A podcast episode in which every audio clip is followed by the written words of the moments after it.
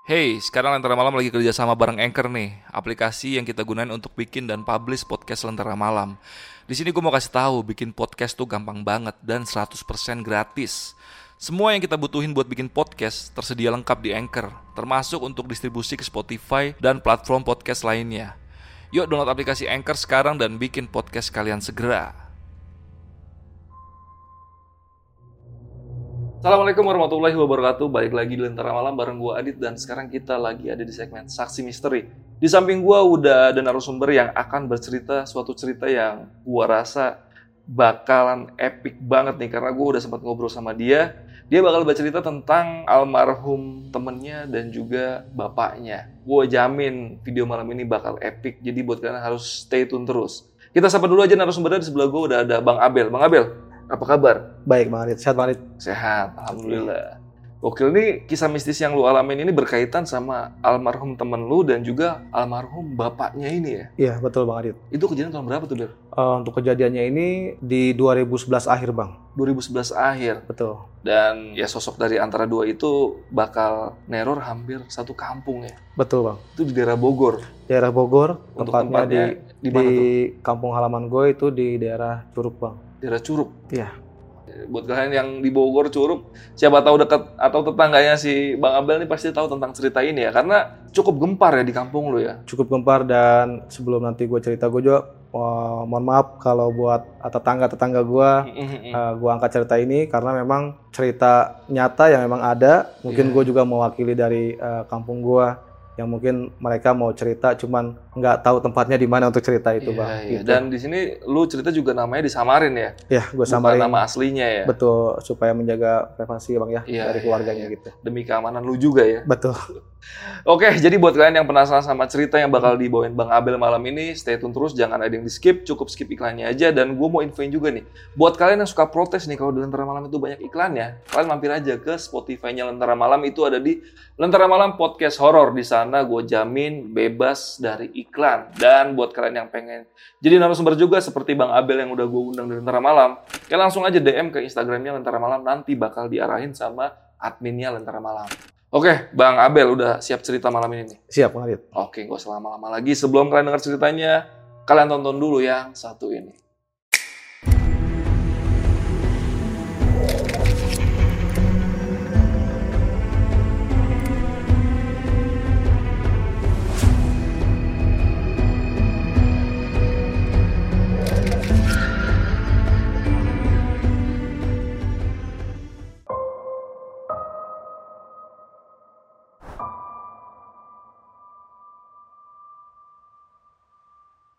Jadi sebelum gue ceritain, Bang Adit sedikit cerita dulu. Denny ini kebetulan di sekolah itu dia adalah kakak kelas gue bang di SMA itu ya. Jadi kakak kelas gue, kebetulan gue tuh udah berteman lama sebelumnya itu dengan bukan sama dia malah, sama dia gue belum kenal dan gue lebih kenal itu dengan sepupunya dia. Sepupunya dia namanya Anwar.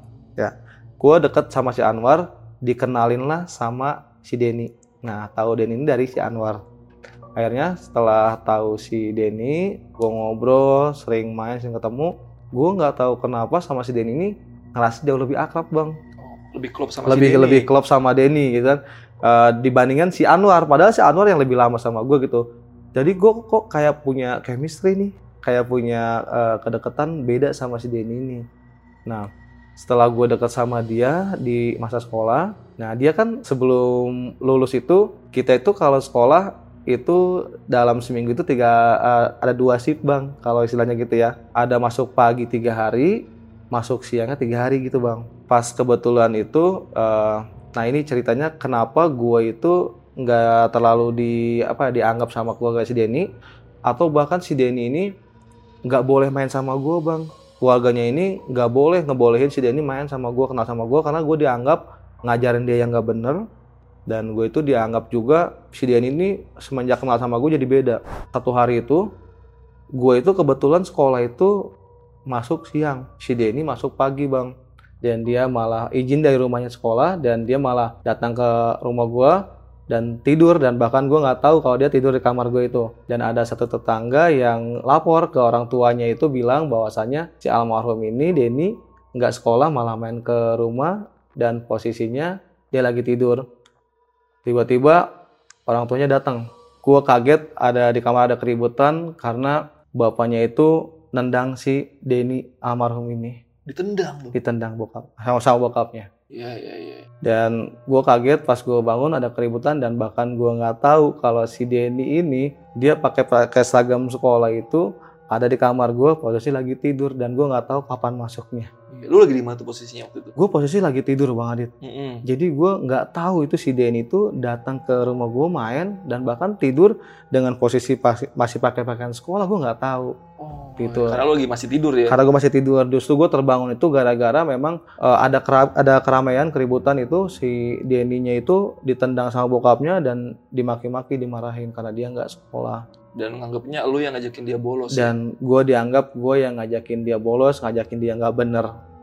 Gitu. Gue langsung tunjuk-tunjuk sama nyokapnya, lu ngajarin nggak bener sama anak gue ya. Anak gue berangkat dari rumah tuh sekolah, nggak nyampe sekolah malah di sini sekolahnya katanya. Nah, mulai dari situlah bang, orang tuanya itu benci sama gue. Orang tuanya tuh ngelarang gue buat main, eh, Denny main sama gue.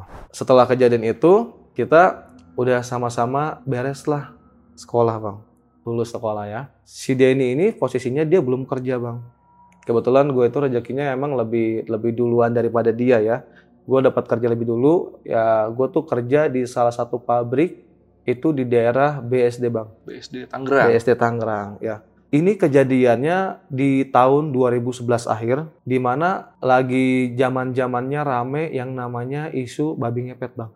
Babi ngepet. Pernah denger tuh ya. Kemudian zamannya juga eh, dulu tuh kita belum ada alat komunikasi yang canggih kayak sekarang, Bang. Hmm. Gue itu masih masih pakai handphone yang namanya Asia, Bang. Ya, Lo ya. mungkin pernah ngalamin ya, Asia.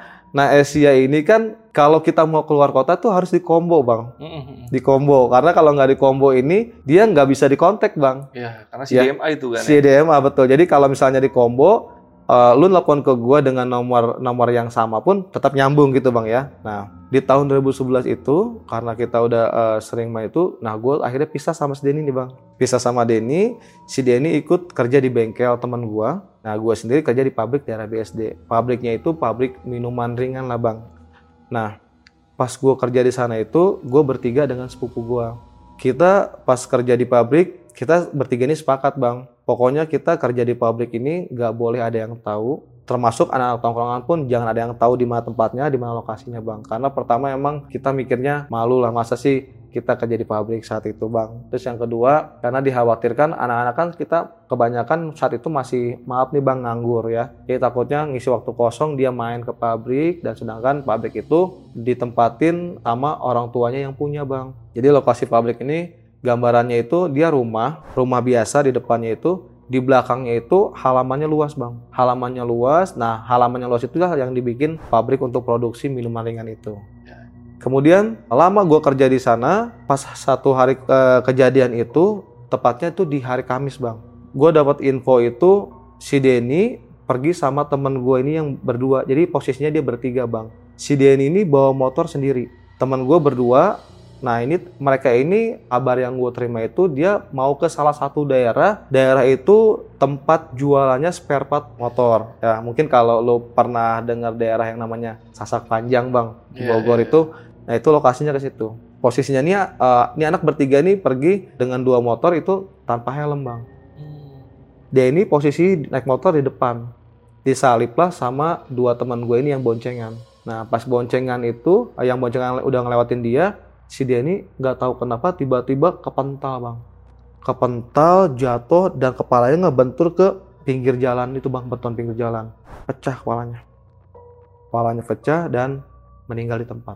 Meninggal di tempat.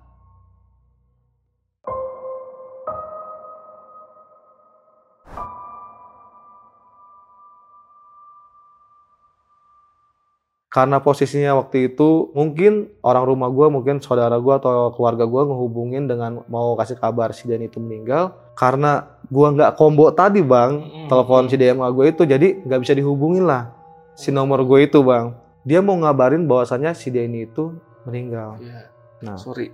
Itu tadi yang dua pergi sama si Denny ke apa Sasak Panjang Hmm. itu, itu bukan dua temen lu yang di pabrik itu kan? Bukan, Bukan. bukan. Jadi itu anak-anak teman tongkrongan bang. Oh iya. Kalau yang di pabrik itu adalah eh, sepupu gua, Sepupu ya? sepupu anak dari bibi ya gitu. Nah kemudian bawa pulang lah si almarhum ini jasadnya. Dan posisi saat gua eh, kejadian itu sama sekali gua nggak tahu bahwasannya si almarhum ini udah meninggal. Dan karena tradisi di tempat gua itu di Bogor, ketika meninggal bukan di malam hari bang, itu nggak boleh dimalamin bang. Harus dimakamin di hari itu jam berapapun.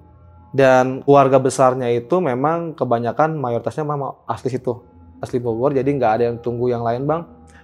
Itu jam setengah enam si almarhum itu dibawalah ke tempat pemakaman umum untuk dimakamin. Nah lagi posisi jalan dimakamin itu sampai maghrib belum beres bang. Jadi posisi udah ajan maghrib itu tuh si jenazah itu baru nyampe di makam. Info dari bokap. Kemudian posisi nyokap sama adik-adiknya ini tuh lagi nongkrong di depan rumah bang di teras. Karena posisi rumah gue itu rumah rumah depan-depanan dan jalan setapak bang. Hmm. muat satu motor aja gitu ya. Itu dari nenek gue udah pernah bilang pokoknya kalau maghrib gede maghrib gede itu maghrib yang ketika beres ajan menjelang komat bang. Itu namanya maghrib gede di Bogor tuh dibilangnya. Itu jangan pernah main di luar jangan di teras di dalam semua katanya gitu kan. Takut ada yang aneh-aneh. Dan itu tuh nggak didengar bang. Sama nyokap sama adik-adiknya semua nih. Posisi si Denny ini masih dimakamin dan baru proses dimakamin si nyokap sama adik-adiknya itu ngelihat Denny lewat bang. Kalau kata bahasa Sundanya mungkin lu pernah dengar kawenehan bang. Apa tuh artinya? kawenehan itu jadi kita ngelihat sesuatu kayak kehipnotis tapi nyata ada Iya, iya, iya. mungkin orang Sunda atau orang Bogor tahu istilah itu. Jadi si Denny itu lewat bang, lewat bahkan bilang punten permisi Ke keluarganya itu. ke keluarga gua. Iya, iya, iya. Itu lewat dia posisinya masih sama bang, pakaiannya pakai topi, baju merah ada kerah, jeans biru, posisi baju yang dia pakai saat kecelakaan. Padahal lagi dimakamin. ya? Padahal lagi proses dimakamin bang, jam 6 itu. Nah itu kabar gua dapet setelah gue pulang dari rumah. Gue masih belum tahu posisi si Denny ini udah meninggal bang. Gue itu biasanya kalau udah beres kerja itu jam 5 bang. Jam 5 beres rapi-rapi dan biasanya mandi setelah maghrib jam tujuan itu tuh kita nyari makan keluar bang. Gue itu di pabrik itu kebetulan yang punya pabriknya minta kita itu untuk tinggal di sana bang. Jadi kita disediain kamar untuk tinggal karena kalau tiba-tiba tengah malam ada yang minta barang untuk dikirim atau misalnya ada produksi tambahan jadi masih bisa dikerjain Hmm. gitu bang. Jadi gue bertiga sama sepupu ini tuh tinggal di pabrik tersebut bang. Setiap malam itu kita giliran gantian untuk eh, nyari makan. Posisi pas malam Jumat ini gue yang kebagian buat nyari makan malam itu bang. Gue nyari makan malam, gue pakai motor, gue nyari makan persis di depan Giant BSD perjalanan gue udah sampai ke pecel lele itu tiba-tiba gue ngeliat si Denny bang. Ini posisi gue belum tahu si Denny udah meninggal ya. Iya, iya, iya. gue ngeliat si Denny dari jauh gue sempat masih merhatiin ini si Denny bukan. Gue sempat ragu gitu. Gue sempat mikir juga kalau si Denny dia tahu dari mana? Dia Karena- mau ke mana? Karena dirahasiakan ya tempat karena dirahasiakan karena nggak ada satupun yang tahu bang. Pas gue deketin dia jalan bang. Posisi jalannya nunduk jalan nunduk gini. Jadi di ini warung pecel lelenya gue lagi berdiri dia jalan ke arah gue bang. Nunduk. Pas gue panggil Denny dia nengok bang. Dia langsung nenggak gini. Bener sih Denny. Akhirnya gue tegur Den lu ngapain di sini? Kok lu jauh banget mainnya? Eh lu Bel. Karena gue kan di rumah itu dipanggilnya Abel bang. Iya, iya. lu mau ke mana? Mau ketemu lu. Gue bilang, lah, kok lu bisa tahu sih gue gue di sini? Padahal gue nggak pernah cerita lo. Gue kerja di pabrik di mana tempatnya? Dari anak-anak. Dan gue nggak mikir aneh-aneh bang, nggak punya curiga apa pun. Gue bilang, ayah udahlah, ya kan? Karena gue belum dapat kabar apa pun mengenai dia ya. Akhirnya karena gue mau nyari makan, gue udah di depan warung pecel lele tersebut bang, Gua ajaklah dia makan bang. Ya udah Den, kita makan dulu. Makan sama gua bang. Makan gua pesan dua dan dia makan bang depan gua. Gua pesan dua pecel lele dan minum es jeruk. Itu makanan dia habis bang. Minuman juga habis. Seperti orang biasa ya. Seperti orang biasa. Gua sempat ngobrol sama dia. di sini gue rada mulai aneh, aneh dan ngerasa beda bang. Karena Denny yang gue kenal, Denny yang gue tahu itu orangnya kan selengean bang, Hmm. cerewet, bawel, heboh gitu bang. Di malam itu dia tuh bener-bener diem. Dia diem dan nggak seperti biasa yang gue kenal. Gue sambil makan nanya, Den, lu ngapain jauh-jauh nyariin gue? Lu ke sini sama siapa? Sendiri. Lu naik apa? Angkot. Oke, terus udah gue sambil makan lagi, gue bilang, lu mau ngapain sih nyariin gue, Den? Jauh-jauh, kan nanti juga gue pulang. Karena kebetulan gue itu kerja di pabrik tuh pulang seminggu sekali, Bang. Setiap Sabtu sore jam 4 gue pulang dan Minggu libur, Bang. Berangkat lagi tuh di hari Seninnya, pas mulai kerjanya. Terus gue bilang, kan nanti juga kita malam minggu ketemu. Kayak biasa ngobrol. Gak apa-apa, tadi ya. Dia makan. Pas beres makan, karena gue juga ditunggu eh, makanan sama sepupu gue untuk ini, gue bilang, Den, gue mau balik ke pabrik gue. Lo mau ikut apa gimana? Gue mau pulang. Dia bilang gitu. Itu jawaban dia tuh cuma seperlunya, Bang. Iya, iya. Kalau gue tanya dia jawab, kalau gue nggak tanya dia nggak nanya, Bang Diem aja. diam aja gue mau pulang. Terus lu mau pulang? Gue perlu gue anterin nggak? Atau atau gimana? Naik angkot.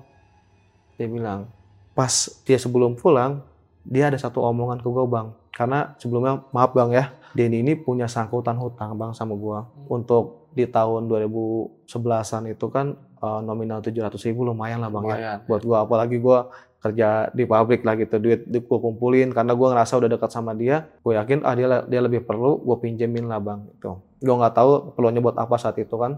Pas sebelum pulang itu dia ngomong sama gue bang gue mau bayar hutang. Nanti hari minggu lu ke rumah ya.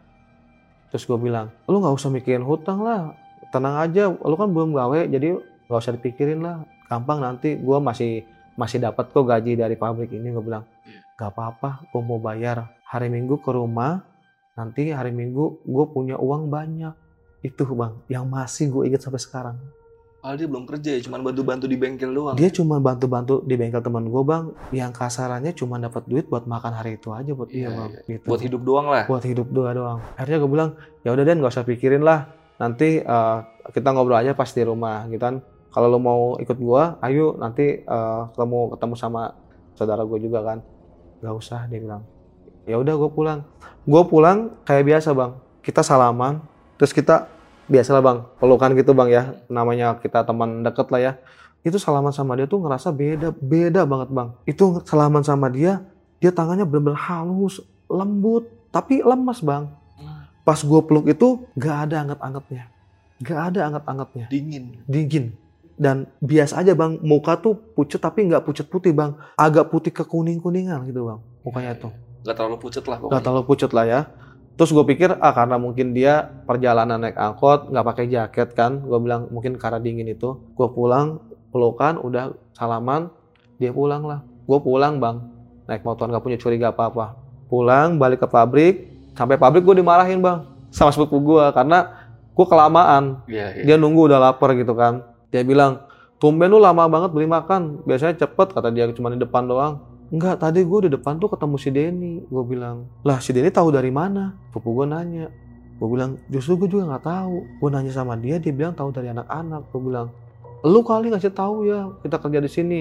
Ada sedikit debat lah bang gue sama saudara gue itu. Karena emang kita udah sepakat jangan ada yang tahu lah gitu. Karena nggak boleh ada yang main ke tempat itu gitu. Gue bilang sumpah gue nggak ngasih tahu. Dia bilang cuma ketemu sama anak-anak terus sekarang mana si Denny-nya dia udah balik. Udahlah bang. Kita nggak mikir-mikir uh, aneh-aneh lagi. Kita makan lah. Karena posisi gue udah makan duluan sama si Denny itu dua sepupu gue tuh makan. Makan jam 8 setengah 9 beres.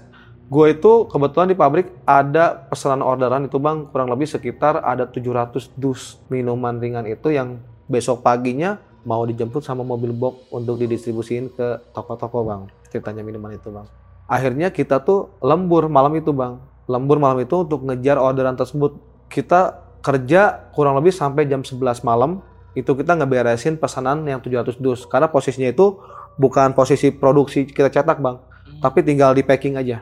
Oh, manual masukin ya? ke dusnya ya. Iya, iya. manual saya susun masukin kita lakban segala macam gitu itu kita bertiga beres lah bang 700 itu di jam 11 malam. Karena kita udah kecapean itu posisi barang yang kita udah packing itu geletakin aja bang. Berserakan di mana-mana gitu ya. Kita ngarapin karena pikir kita ya udahlah besok juga mau diangkut ngapain dirapihin gitu ya. Udah kita cuci, cuci muka cuci kaki tidur bang. Besok paginya jam 6 itu rutinitas kita bangun bang. Bangun untuk kita produksi yang di hari itu. Karena kita harus masak air itu uh, satu drumnya itu dimasak itu paling lama satu jam. Nah kita bangun posisi pagi jam 6 itu kardus yang semalam berserakan tuh udah rapi bang. Karena gue pikir mungkin si bapak sama si ibu yang punya rumahnya bantu ngeberesin kali. Karena hmm. di pabrik itu tinggal hanya empat orang bang. Si ibu sama bapak dan anaknya cewek dan satu lagi cucunya. Terus gue pikir ah mungkin dibantuin si bapak si ibunya kali beres-beres ya. Akhirnya ya udah kita mandi sambil kita udah nyalain air buat uh, produksi kita mandi beres uh, mateng si ibunya itu setiap pagi memang selalu ngasih sarapan ke kita bang. Ngasih sarapan ke kita, ngasih nasi goreng. Dia bilang, oh kalian gak ada capeknya ya. Semalam udah lembur sampai tengah malam, pagi udah bangun lagi. Terus kita kan biasa manggilnya Eyang ya. Enggak yang kita cuma sampai jam 11 doang kok. Produksi apa uh, packing udah beres, saya bilang gitu kan. Oh jam 11 apaan? Orang kalian sampai jam 2 kok Eyang denger. Masih pada rame. Mulailah di situ. Ya kita nggak nggak mikir aneh-aneh Eyang orang kita jam 11 doang kok beresnya. Terus ini Eyang bukan yang beresin uh, dusnya. Ih sembarangan, ngapain Eyang beres-beres bantuin capek katanya. Jadi orang rumah itu nggak ada bang yang bantuin beresin itu barang. Jadi tinggal di tempat gudang itu yang lu buat produksi itu cuma bertiga? Bertiga. Kita gak ada orang lain? Gak ada orang lain. Karena setiap malam itu, bukan malam aja, pagi atau siang pun itu di depan rumah itu kan gerbang bang. Gerbang itu pasti digembok bang. Jadi nggak ada orang bisa masuk. Kalau masuk pun kita dia harus uh, ketok-ketok pintu itu. Gerbangnya harus ketok-ketok baru kita bukain.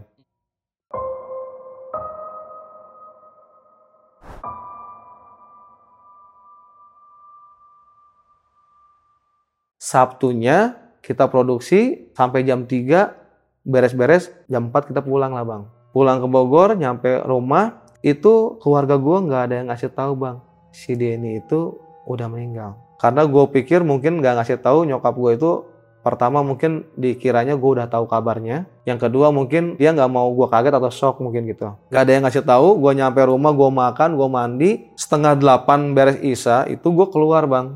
Keluar rumah gue mau nyamperin ke base camp tongkrongan ada satu rumah teman gue namanya Adon itu dijadiin satu base camp nongkrongan bang. Di mana setiap malam itu kita selalu nongkrong di situ. Datanglah gue ke rumah si Adon itu. Di jam setengah delapan itu tumben-tumbenan itu rumah masih sepi bang anak-anak belum ada yang datang untuk nongkrong. Karena biasanya setengah delapan tuh udah ada tiga orang, dua yeah, orang ya. Yeah, yeah. Akhirnya pas gue nyampe, gue nanya lah ke nyokapnya si teman gue si Adon ini. Mam, anak-anak pada ke mana nih? Tumben sepi gue bilang. Nyokapnya bilang, lah emang nggak tahu anak-anak kan lagi pada tahlilan semua. Gue tanya dong, tahlilan apa nih? Selamatan rumah atau apa? Emang nggak tahu? Kan si Denny meninggal. Si Denny meninggal. Iya. Yeah, Lu baru tahu tuh di situ tuh di situ gue masih belum percaya bang. Terus gue bilang, meninggal yang bener. Ya masa bohong sih? Orang udah ini ini malam ketiganya. Langsung gue nggak banyak omong, gue pulang bang ke rumah. Nyampe rumah, gue nanya ke nyokap. Karena kan nyokap juga deket juga sama si almarhum ini. Emang si Denny beneran meninggal? Gue bilang, iya emang nggak ada ngasih tahu. Kan udah udah tiga hari ini katanya meninggalnya malam ketiganya. Gue bengong bang saat itu gue bengong dan gue cuma melotot aja nyokap gue ngomong gue nggak tahu ngomong apa. Gue nggak nggak nggak denger dan nggak ingat sama sekali. Ngeblank lah situ ya? ngeblank gue karena masih belum percaya bang. Gue bengong akhirnya nyokap gue nepak. Hei baru gue sadar. Di situ gue nggak nggak cerita bang. Kalau gue itu ketemu si Denny sama nyokap. Malam itu malam minggu gue nggak keluar rumah dan gue nggak nongkrong bahkan gue nggak ikut tahlilannya si dia almarhum. Gue langsung tidur di kamar gue selimutan bang. Karena gue masih deg-degan banget, deg-degan dan masih nggak percaya dan masih belum terima aja kalau dia itu meninggal bang. Teman dekat lu sendiri meninggal. Teman dekat gue sendiri gitu kan.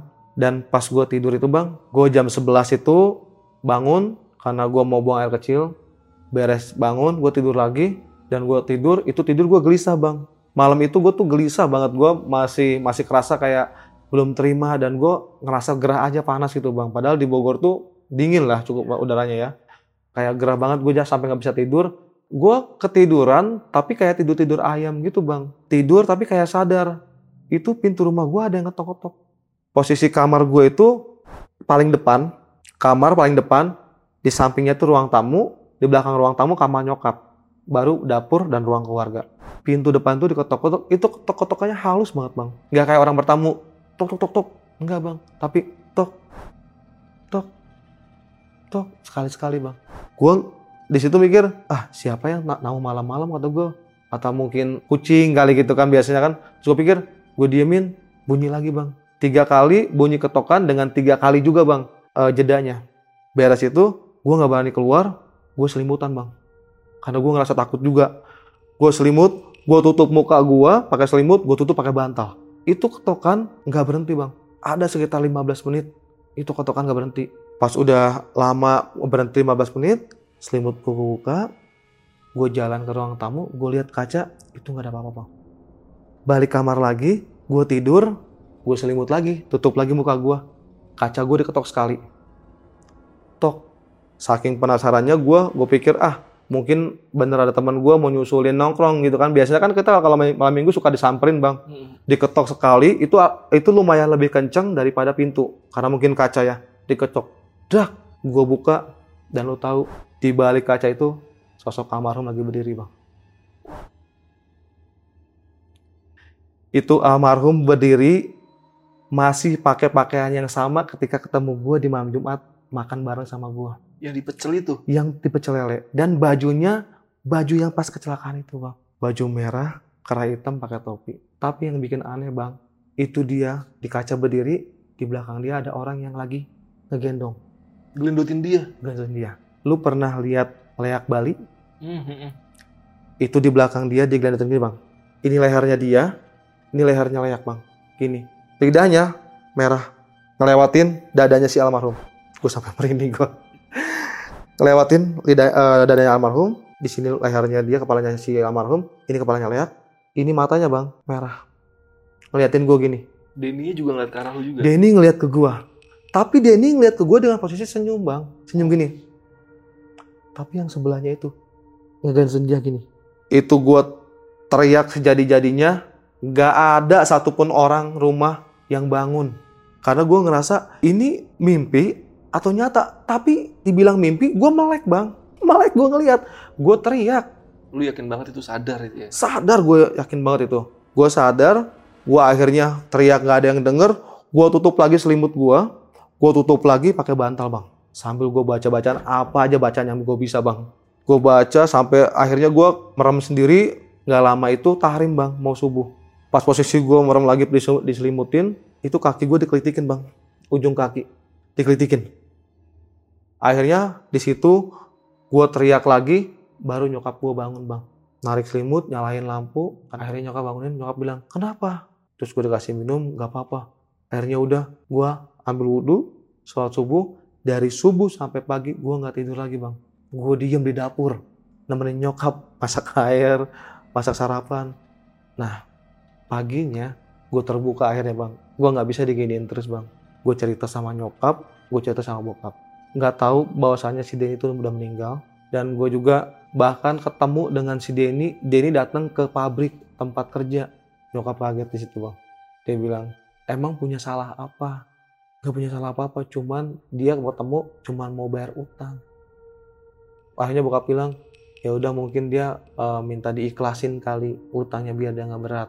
Nah semalam ada yang ngetok-ngetok bapak sama mami denger gak ah nggak denger apa-apa. Jadi itu yang ngetok pintu tuh nggak ada yang denger ban. Lu doang selain ya? gua. Akhirnya gue cerita nah gue bilang almarhum datang ada di depan kaca. Karena gue kalau tidur tuh jendela tuh nggak pernah jendela gue tutup gordennya nggak pernah gue tutup bang. Pasti gue buka karena gue seneng ngeliat karena kan langsung jalan ya. Si almarhum datang ketemu dan nunjukin di depan jendela tapi anehnya kok ada ada yang ngegandotin dia di belakang lidahnya panjang. Nyokap cerita lah bang. Nyokap cerita di situ bilang dia juga meninggalnya nggak wajar katanya. Lagi nyokap cerita meninggal nggak wajar salah satu tetangga gue datang ke rumah bang karena kebetulan rumah tetangga gue ini tusuk sate bang. Jadi lurus jalan paling ujungnya itu rumah dia bang ngadep ke jalan. Dia tuh kerjanya security. Jam jam setengah tiga itu dia baru pulang dia datang ke rumah assalamualaikum. Datang ke rumah bokap Waalaikumsalam kenapa? katanya gitu. Tiba-tiba si tetangga ngomong gini semalam ada yang datang ya? Semalam ada yang namu ya? Tetangga bilang gitu. Iya, iya. gue kaget kan. Lah mang gue manggilnya mamang kan mang tahu dari mana Iya pas pulang jaga lihat ada yang masuk ke halaman rumah. Gue masih merinding tuh. Security tuh ngeliat. Security tuh ngeliat siapa yang datang kata kata tetangga itu. Akhirnya gue cerita lah bang mau nggak mau. Iya semalam emang ada yang ketok-ketok pintu tapi nggak dibukain. Dan almarhum Denny datang. Tetangga gue ketawa aja. Dia bilang, iya udah tahu. Jadi tetangga gue itu ngeliat posisi si almarhum datang ke rumah dan dia paginya pas gue kebetulan lagi cerita dia datang dia bilang ada yang namu ya semalam. Nah akhirnya nyokap ceritalah datanglah ke rumahnya bilang mau mau ngiklasin hutangnya biar dia nggak berat juga kasihan katanya gitu. Ya nanti datang nih siang beres mandi gue bilang gitu. Hey, sekarang Lentera Malam lagi kerja sama bareng Anchor nih, aplikasi yang kita gunain untuk bikin dan publish podcast Lentera Malam. Di sini gue mau kasih tahu, bikin podcast tuh gampang banget dan 100% gratis. Semua yang kita butuhin buat bikin podcast tersedia lengkap di Anchor, termasuk untuk distribusi ke Spotify dan platform podcast lainnya. Yuk download aplikasi Anchor sekarang dan bikin podcast kalian segera. Sambil gua mau nunggu mandi itu nyokap bilang iya kasihan. Si Denny ini kayaknya meninggalnya nggak wajar karena tiba-tiba jatuh ke pental dari motor si kepalanya kebentur trotoar. Dan belah di sini bang. Ya, sampai ke belakang tuh darahnya. Nah, nah di tempat ya. meninggal di tempat. Dan gua bilang maksudnya nggak wajar gimana? Ya kayak kayak bukan meninggal sewajarnya aja kayak kayak tumbal kata gitu terus gue masih belum mikir dan belum ngerti juga maksudnya apa sih tumbal untuk apa untuk siapa gitu kan. Akhirnya gue datang lah ke rumahnya bang. Gue datang ke rumahnya diantar sama sepupu gue yang kerja di pabrik itu. Berdua gue datang.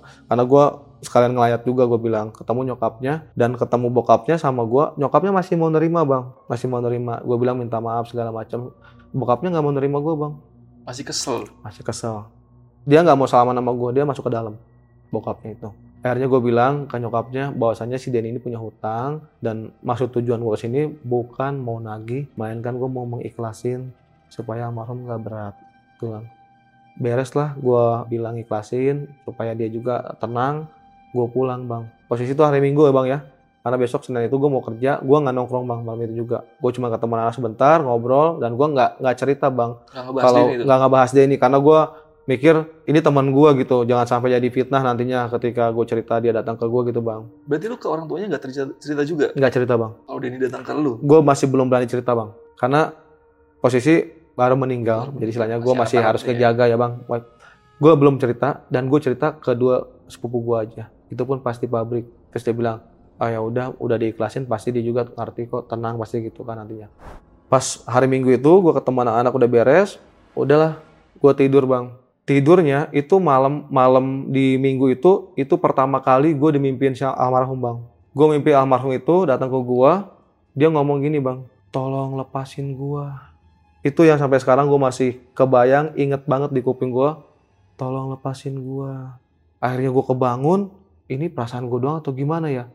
Gue tidur lagi paginya gue berangkat kerja gue cerita lah di pabrik itu sama sama sepupu gue dia bilang gitu. Malamnya di hari seninnya gue dimimpiin lagi bang yang kedua. Masih dengan kata-kata yang sama. Tolong lepasin gue Itu posisi mimpinya kayak gimana tuh? Lu didatengin dia atau gimana tuh? gue mimpinya dia cuman datang dia depan-depanan sama gue dia cuman ngomong gitu ketemu depan gue tolong lepasin gue tapi tangannya diem bang. Tolong lepasin gue cuman palanya ngangguk gini tolong lepasin gue dia bilang. Pas paginya gue ngomong dalam dalam hati sendiri Den jangan gangguin gue kalau emang gue punya salah maafin utang lu juga udah gue ikhlasin. Gue bilang jangan gangguin gue lagi gitu ya. Itu di hari Seninnya malamnya gue dimimpiin yang kedua kalinya. Itu berturut-turut sampai dengan malam Kamis bang. Dimimpiin dengan hal yang sama tolong lepasin gua. Akhirnya hari Kamis itu gua yang harusnya pulang itu hari Sabtu hari Kamisnya setelah dimimpin itu paginya gua nggak gawe bang. Gua balik. Gua balik gua ngomong sama nyokap gua minta tolong mamang gua lah bang mamang gue ini kebetulan orang bisa orang bisa yang suka ngobatin orang kesurupan lah gitu akhirnya ngomong-ngomong dan ternyata mamang gue bilang ini memang Denny minta dilepasin karena meninggalnya nggak wajar bang mamang gue itu masih belum mau ngomong kenapa nggak wajar ya bang. Dia cuma ngomong nanti lu tahu sendiri, nanti lu bisa lihat sendiri sama mata kepala lu dan ini supaya nggak jadi fitnah kata mamang gue. Akhirnya tepat hari ke-15 tahlilannya dia, gue ikut bang. Karena hari-hari uh, 1, 2, 3 sampai 7-nya itu gue nggak ikut karena gue kerja. Hari ke-15 tuh gue ikut tahlilan bang. Hari ke-15 ikut tahlilan, gue pulang, nggak ada masalah apa-apa dan nggak nggak mimpi lagi tuh bang. Setelah gue ngomong ucap jangan ganggu lagi itu. Nah, ketemu anak-anak nongkrong lah bang. Nongkrong anak-anak ngobrol-ngobrol-ngobrol dan ternyata setelah gue ngobrol sama anak-anak itu dua orang temennya itu temen gue yang ikut sama dia kecelakaan. Iya, iya, iya. itu dia didatengin juga bang. Wah. didatengin dimimpiin dengan kata-kata yang sama. Tolong lepasin. tolong lepasin. Di hari pertama dia itu eh, meninggal dia cuman didatengin dan itu pun nggak lama bang. Cuman lewat aja. Sampai tiga kali dimimpiin minta tolong lepasin dan lebih banyak gua ketimbang mereka yang minta eh, dimimpiin itu bang. Akhirnya setelah dua hari dua hari eh, almarhum ini setelah tahlilan 15 harinya bapaknya bisa kebeli mobil Avanza. Saat itu masih booming boomingnya Avanza bang. Avanza secara cash. Background bapaknya ini keluarganya nyokapnya ini adalah ibu rumah tangga bang. Ibu rumah tangga. Dia anak pertama almarhum ini. Punya adik dua. Kemudian bapaknya ini eh, bisa dibilang kategorinya PNS lah ya bang ya. Karena dia kerja di eh, kecamatan di tempat gue itu Eh, maaf gue juga bukan bukan ngecilin. Kita tahu lah pendapatan PNS bang ya. Tapi gue masih nggak curiga ketika dia beli mobil itu dan gue pikir ah, mungkin punya tabungan. Karena gue masih belum percaya hal begituan bang. Diundanglah kita tetangga-tetangganya bang untuk selamatan beli mobil baru. Jadi beli selamatan mobil baru itu tuh tradisinya di Bogor tuh kita di- diundang Oh, untuk iya. untuk untuk selamatan nge- ngedoain. Itu mau, mau beli motor beli mobil tuh pasti diundang buat selamatan terus si mobil itu tuh dimandiin air kembang bang. Air kembang yang dari hasil kita berdoa itu bang. Selamatan itu. Nah di bulan yang sama di tanggal-tanggal akhir bulan itu dia selamatan lagi bang. Selamatan lagi ternyata dia naik tingkat kerjanya bang. Naik- pindah dari kecamatan pindah ke dukcapil bang. Catatan sipil. Yang lebih tinggi lah ya. Di situlah tetangga udah mulai kok bisa? Kok bisa? Gitu dan gue masih belum mikir belum mikir punya kecurigaan apa pun saat itu bang ke dia itu. Selamatan lagi terus dia dia, dia ngomong lah eh, di posisi selamatan itu eh, doain supaya jabatan barunya saya amanah katanya gitu kan. Dan supaya saya bisa membantu juga khususnya warga warga kampung sini gitu kan. Nanti pasti kalau ada apa-apa eh, saya dahuluin kata dia gitu kan. Nah berjalanlah udah bang. Dari selamatan itu kita udah mulai gue udah nggak pernah dimimpin sama almarhum dan gue udah nggak kerja di pabrik itu bang. Hmm. udah nggak kerja di pabrik itu dan gue itu posisinya saat itu masih belum kerja nganggur ya. Di depan rumah dia itu ada sat- eh, satu pemakaman tapi bukan pemakaman umum. Itu pemakaman pemakaman tua bang. Makaman makamnya itu cuma ada empat kuburan. Itu yang benar-benar udah tua dari bahkan dari gua kecil pun udah ada itu makam gitu kan. Iya, iya. sering tetangga ngeliat itu setiap malam-malam tertentu itu entah Selasa Pahing pokoknya dia ngitungnya dari dari tanggal-tanggal itu bang. Selasa malam Rabu atau malam Jumat itu pasti dia ada lagi semedi di makam itu. Si bapaknya Denny. si bapaknya almarhum itu. Itu semedi keluar setiap jam satu malam sampai jam 3 pokoknya sebelum tahrim subuh itu datang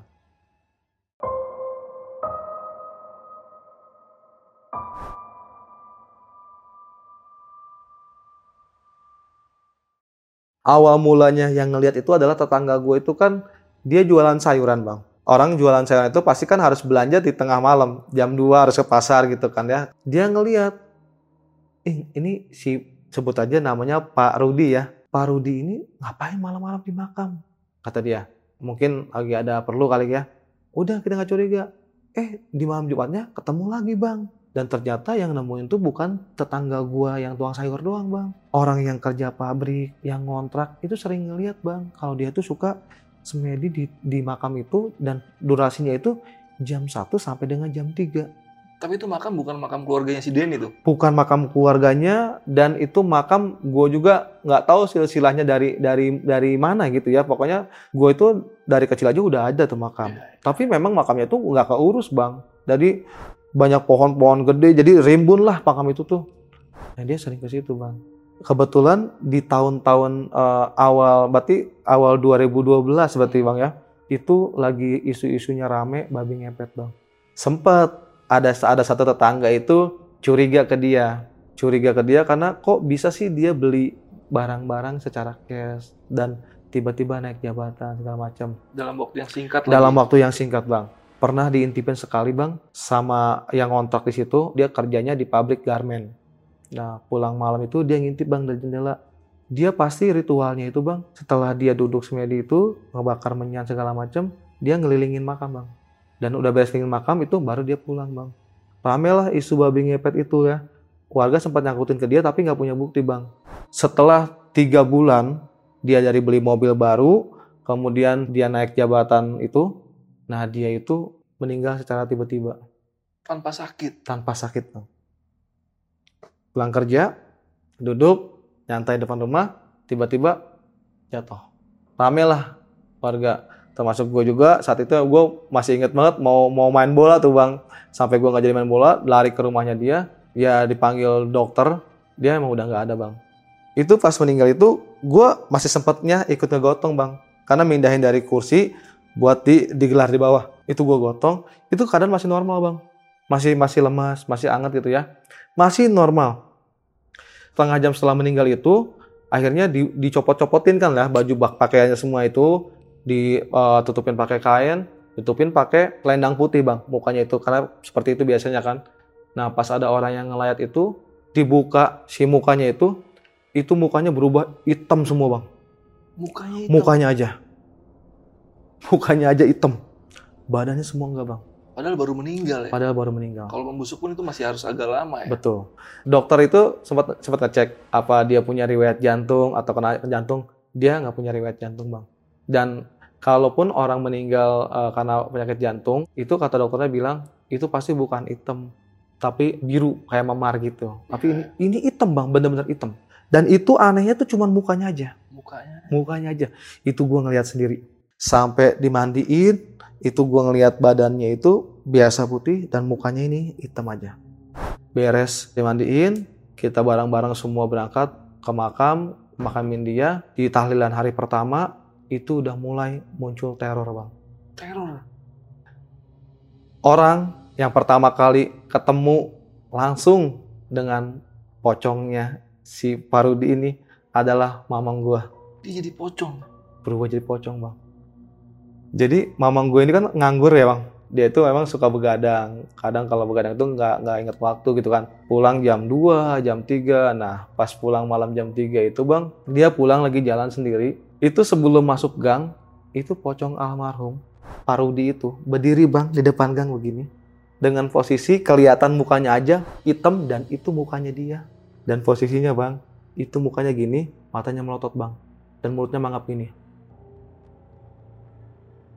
Mata melotot dan mulut mangap. Iya, Itu mamang gua yang tadinya pulang harus lewat gang itu, dia lari, Bang. Lari lewat gang satu lagi yang lumayan agak jauh. Dan sebelum masuk rumah, itu ketemu lagi dia ada di depan sebelum pintu. Pocong Parudi. Pocongnya Parudi. Pingsan di tempat, Bang. Baru bangun ketemu itu pagi orang-orang mau berangkat subuh. Dibangunin dengan keadaan pucat, sepucat-pucatnya, nggak bisa ngomong. Paginya baru cerita. Cerita. Dan itu cerita dia bilang jangan rame ke mana-mana dulu. Takutnya nanti jadi fitnah katanya. Hmm.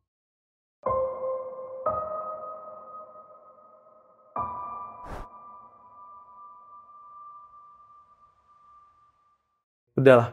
Talian hari kedua, hari kedua mamang gue nggak ikut. Dan nggak berani keluar malam sampai jam 11 aja pulang langsung. Dan di hari ketiganya ternyata tukang ojek bang. Tukang ojek itu beda kampung sama gue. Tapi dia suka ikut nongkrong juga kalau misalnya dia lagi ngojek malam ngalong lah gitu ya. Suka nongkrong juga tempat nongkrong gue itu, itu ditemuin juga bang. Bahkan dia ditemuinnya itu di pintu sebelum dia masuk rumah. Dengan kondisi yang sama. Lagi berdiri, dan matanya melotot, mulutnya mangap. Akhirnya si tukang ojek ini cerita lah bang, cerita di pangkalan ke orang-orangnya. Dan ternyata setelah cerita di pangkalan, pikir dia tuh cuman dia bang. Ternyata ada dua orang yang sebelumnya ditemuin sama Parudi itu bang. Berarti banyak yang disa yang sama si Parudi. Banyak. Rame lah bang. Rame lah sampai ngelewatin tahlilan hari ketujuh, itu isu udah rame di, di kampung gue bang. Bahwasanya almarhum ini jadi pocong gentayangan, gentayang rame. Itu kampung gue berasa kampung mati bang. Setiap udah lewat jam 10, hening. Gak ada yang jualan, gak ada yang berani lewat. Kecuali orang-orang yang nggak tahu ya, pendatang gitu ya, lewat. Itu orang kampus itu udah hening. Gak ada yang berani lewat. Sampai akhirnya nyampe lah ke anaknya bang. Anaknya yang kecil ini, mungkin kalau istilah sekarang tuh dibilangnya dibully ya bang ya. Dibully dibilangin, oh bapak lu jadi pocong, bapak lu jadi pocong kayak gitu. Akhirnya mungkin dia eh, nangis, bilang sama mamanya, dan mamanya juga udah ngedengar hal itu udah rame cerita di mana-mana dia eh, ngerasa mungkin malu dan nggak terima juga bang akhirnya dia manggil orang pintar saat itu dia bilang ini bukan Parudi kok tapi ini ada yang minjem sosoknya Parudi orang yang lagi pesugihan katanya gitu bang si orang pintar itu bilangnya ya Iya, iya, iya. Nah, si istrinya ini masih belum mau ngomong apa-apa, Bang. Terus gimana supaya eh, jadi nggak gentayangan kayak gini? Karena suami saya jadi kena fitnah katanya gitu kan. Si orang pintar tuh bilang, ya udah potong kambing satu supaya nanti biar kita bebasin katanya. Nah, dipikir kita kan setelah eh, termasuk istrinya almarhum itu setelah potong kambing itu mungkin selesai gitu, Bang ya. Ternyata enggak, Bang. Itu teror masih berlanjut.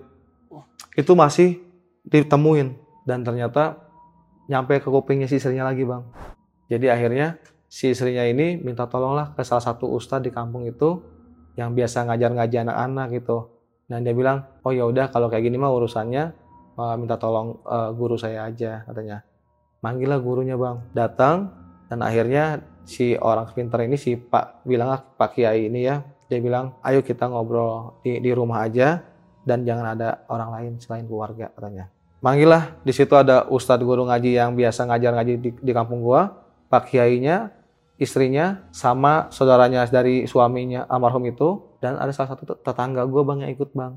Dan tetangga gue ini tetangga yang comel yang ngebilangin si almarhum sekolah kabur ke rumah gue itu. Jadi bisa dibilang tetangga ini emang comel bang mulutnya Bocor bang, lah ya. bocor lah ya gitu ya. Iya, iya. Dia ikutlah karena memang si almarhum eh, istrinya Parudi ini minta, minta tolongnya ke si tetangga gue yang comel ini Iya, minta tolong dicariin orang pinternya gitu.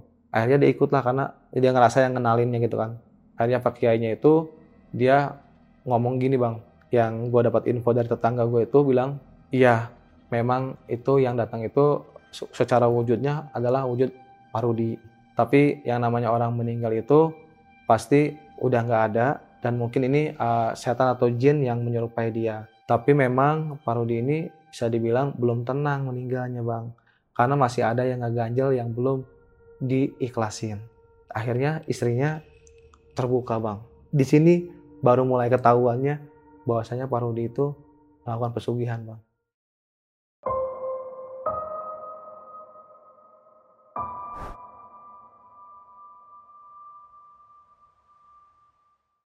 Jadi istrinya bilang bahwasanya memang Parudi itu ngelakuin pesugihan tersebut. Parodi itu suka ke makam itu karena permintaan dari gurunya pesugihan supaya apa? Supaya dia naik jabatan, supaya dia bisa banyak harta, Bang. Dia nangis lah, Bang.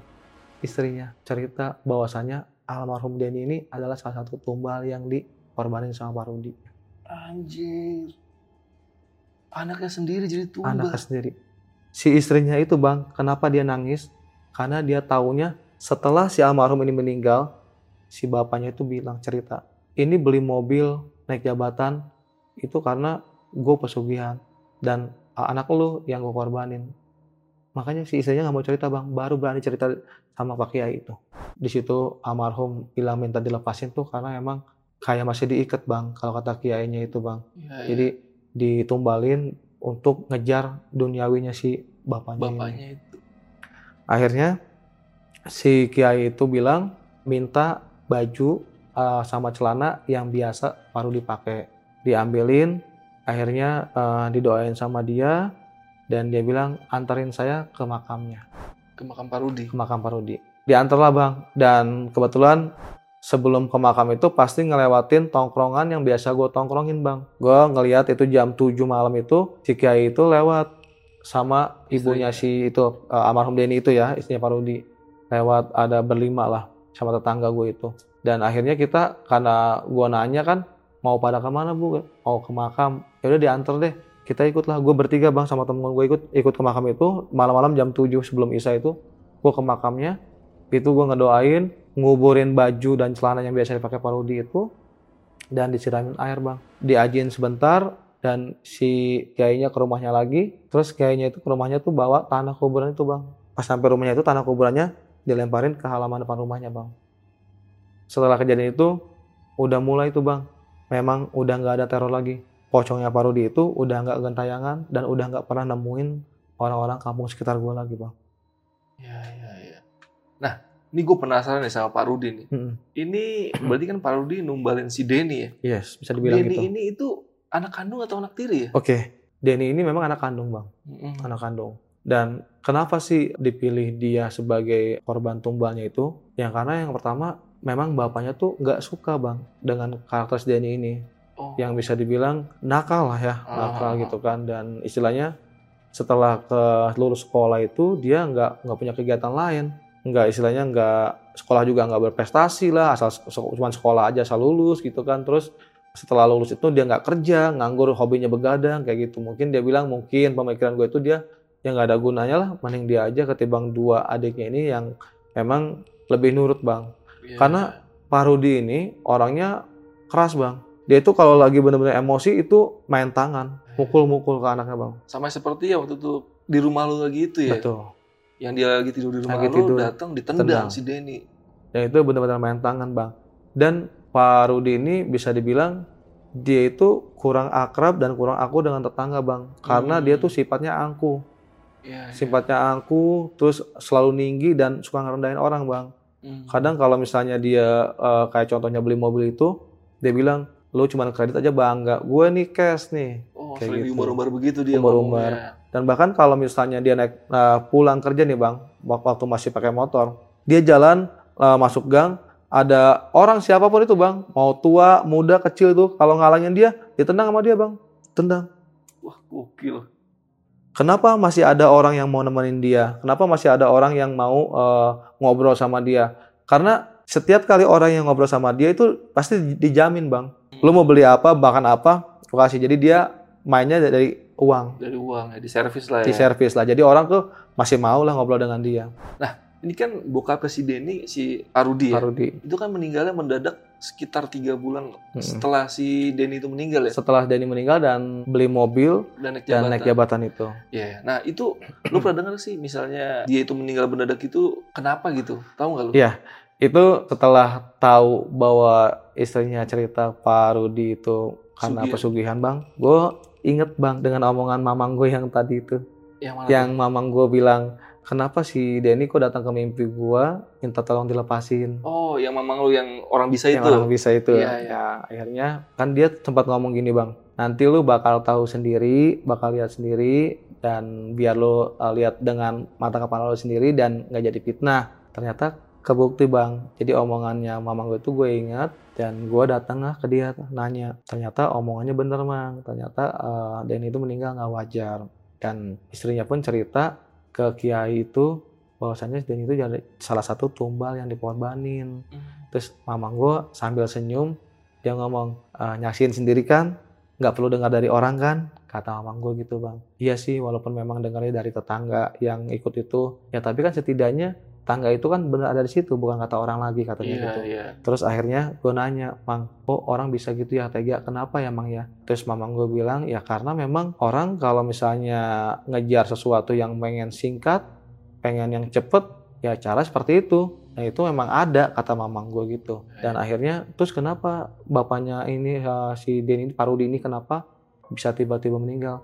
Mamang gue sih cuma ngomong gini karena kalau pesugihan itu kita harus ngurus Ngurus. ngurus. Jadi kita tuh ketika pesugihan bang kayak kita tuh melihara makhluk goib bang. Kita harus ngurus layaknya kita punya anak. Ya kita harus istilahnya eh, ngasih makan atau kita ngejajanin.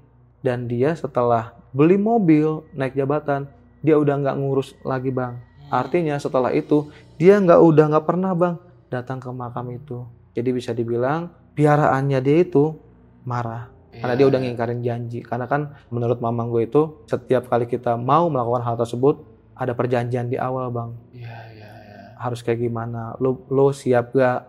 Dan lu mau gak eh, nurutin kemauannya kayak gitu? Hmm, iya. Atau mungkin juga si sosoknya ini udah minta tumbal lagi dan anaknya yang adik-adiknya kan mungkin cukup dekat sama bapaknya. Bisa jadi kali ya. Itu eh, hal yang memang paling realistis itu bang. Iya, Selain yang tadi eh, nggak ngurus itu bang. iya. Karena memang orang kalau udah eh, ngebuktiin bahwasannya ada hasilnya, itu pasti dia akan minta lagi bang. Dan minta lagi pasti orang terdekat yang akan ditumbalkan ketika Iya. untuk nantinya korban selanjutnya bang. Iya, iya. Gitu. Nah ini kan gosip tentang si Parudi Pesugihan kan udah nyebar satu kampung ya. Betul, betul. Ibaratnya istrinya, anaknya pun pasti kena imbas. Betul. Itu akhir dari istri dan anak-anaknya tuh gimana? Dia pindah atau gimana? Oke, Gimana tuh? iya bang. Secara manusiawi sih bang, ketika gosip itu nyebar dan sampai akhirnya ngambil tindakan untuk dia minta tolong orang pintar Pak Kiai itu, bisa dibilang lumayan stres ya bang ya. Jadi anaknya itu pun akhirnya jadi nggak sekolah bang. Jadi karena dia mau sekolah pun dia malu, Dibully malu terus dibully ya. terus ya kan. Ibunya ini pun istrinya Pak Rudi ini dia nggak mau bang berbaur lagi. Padahal tetangga-tetangga itu menyayangkan banget bang. Si ibunya ini jauh lebih aktif daripada Pak Rudi. Hmm. Bisa dibilang ibunya ini akur bang Iya. akrab sama ibu-ibu lain semua kalau ada kegiatan apa pun dia juga aktif ngebantu gitu kan kadang eh, suka makan bareng istilahnya makan ngumpul sama warga lain gitu bareng-bareng gitu nah jadi akhirnya karena dia juga mungkin nggak kuat bang dengan gosip-gosip apalagi tetangga-tetangganya itu ada yang sebel dan kesel sama kelakuannya Pak Rudi ini dengan dia pernah mungkin nendang salah satu keluarganya Dengan sikap arogannya sikap lah. arogannya dengan eh, sompralnya dia angkuhnya dia akhirnya eh, dia pindah bang pindah. pindah Keluarga. dan sempat dapat kabar itu ada dua versi sih bang dia pindahnya itu antara ke Cianjur atau pindahnya ke daerah Ciputat bang Ciputat. Mm-mm. karena kalau ke Cianjur itu memang rumah orang tuanya infonya kalau di Ciputat itu dia rumah dari eh, adiknya si istrinya Pak Rudi Oh. infonya gitu Iya, iya. Dan tadi kita sempat ngobrol di depan nih kan ya. Mm. Ah, Bel, kalau semenjak kejadian si almarhum Denny dan Parudi ini di kampung lu terjadi, lu mulai ngerasain, sering ngerasain hal-hal mistis ya, betul Eh, semenjak kejadian ini bang gue mulai terbuka bang ya Hmm. jadi gue mulai tahu yang namanya oh ternyata dunia goib itu ada oh Iya. ternyata pesugihan itu ada Hmm. dan bahkan gue sampai terjerumus bang Terjerumus lu. gue sampai terjerumus dan gue bahkan kecebur bang di dalam dunia mistis tersebut Anjir, tapi tahan dulu nih. Buat kalian yang pengen tahu cerita lain dari Mas Abel ini, kalian bisa langsung aja tinggalin komentar kalian di kolom komentar. Buat Lentera Malam mengundang lagi Mas Abel cerita di Lentera Malam. Karena cerita tadi yang barusan lu kasih ke gua dan pasukan Lentera Malam itu salah satu cerita yang epic sih. Jadi kapan-kapan kalau anak-anak pada apa penonton Lentera Malam mau cerita lagi, mau lah kita undang lagi ya. siap bang Adit Iya, iya, iya. Oke deh, paling ada yang mau lu sampein nggak nih ke pasukan Lentera Malam untuk penutup video kali ini? dari gue sih cuma pesan hal mistis itu memang ada jadi kita jangan eh, ngambil jalan singkat untuk melakukan sesuatu apalagi pengen cepat kaya Iya. atau kita pengen naik jabatan mungkin ini langkah yang menurut gua sangat tidak direkomendasikan bang Adit ya Hmm. lebih baik kalian mungkin bisa minta doa dari orang tua khususnya ibu yang masih ada mungkin eh, itu jalan yang menurut gua paling benar ya bang Iya, iya. ketimbang hal seperti ini karena merugikan juga harus kehilangan anggota keluarga Iya, apalagi sampai numbalin anak ya. apalagi sampai lumba anak kemudian nantinya pun sampai benar-benar gentayangan seperti Iya, itu kan itu jadi kasihan ke keluarga yang masih hidup ya bang Hidup, iya, masih ada betul. Dan gua rasa mungkin teman-teman dari eh, Lentera Malam juga yang nonton pernah ngalamin hal ini dan mungkin kurang lebih sama seperti ini ya jadi Hmm. ini benar-benar cerita yang gue alamin secara nyata bang. Kalau ada kekurangan pun mungkin karena gue lupa juga ya karena udah lumayan lama 2011 akhir. Tapi eh, cerita ini tanpa gue buat-buat bang Adit dan eh, tanpa gue lebih-lebihin mungkin kalau kurangnya banyak bang Iya, seperti iya, itu. Nah, jadi buat kalian yang uh, pengen tanya-tanya lebih dalam lagi tentang cerita yang tadi dibawain sama si Bang Abel ini, kalian bisa langsung aja mampir ke Instagramnya Bang Abel itu di mana, Bang? At si Abel underscore. Oke, dan juga lu bersama saudara lu lagi merintis brand ya? Oke, ya jadi eh, buat teman-teman yang mau cari eh, t-shirt keren, crew neck, hoodie, tas ataupun yang lain-lainnya, Kalian bisa juga eh, follow akunnya di @momik underscore co. Oke, ini bajunya nih yang lu Iya. pakai nih. Betul. Oke, jadi buat kalian mampir-mampir aja. Ini tokonya ada tokonya nggak? Apa online aja? Kita eh, pembelian bisa online. Mungkin kalau untuk toko-toko itu kita lebih banyaknya keluar kota, Bang. Kayak ke Batam, Tanjung Balai, Padang seperti itu. Ya, ya. Pokoknya kalau tertarik langsung aja mampir ke Instagram yang tadi disebutin sama Bang Abel dan nanti linknya gua taruh di kolom deskripsi. Oke, thank you banget nih Bang Abel udah cerita dan Lentera Malam nih. Sama-sama Bang Adit. Jauh-jauh dari mana lu tadi? Tambora jalannya. Dari Tambora tinggalnya, Jakarta Iya, Barat. iya. Karena Bogor itu tempat tinggal lu dulu ya. Asli lahir di Bogor, orang tua masih tinggal di Bogor, Bang. Nikah baru ke Nikah Tambora, pindah Jakarta ke ya. Tambora Jakarta Barat. Oke, oke. Sekali lagi thank you banget nih Bang Abel udah cerita dan Lentera Malam. Sama-sama Bang Adit. Iya. Oke, dan sebelum closing gue mau nginfoin juga nih buat kalian yang pengen kita undang seperti Bang Abel ini jadi narasumber. Kalian bisa langsung aja DM ke Instagram Lentera Malam yang udah gue taruh linknya di kolom deskripsi atau klik form yang ada di kolom deskripsi. Yaudah, paling segitu aja video malam ini. Gue Adit dari Lentera Malam dan Bang Abel. Izin pamit.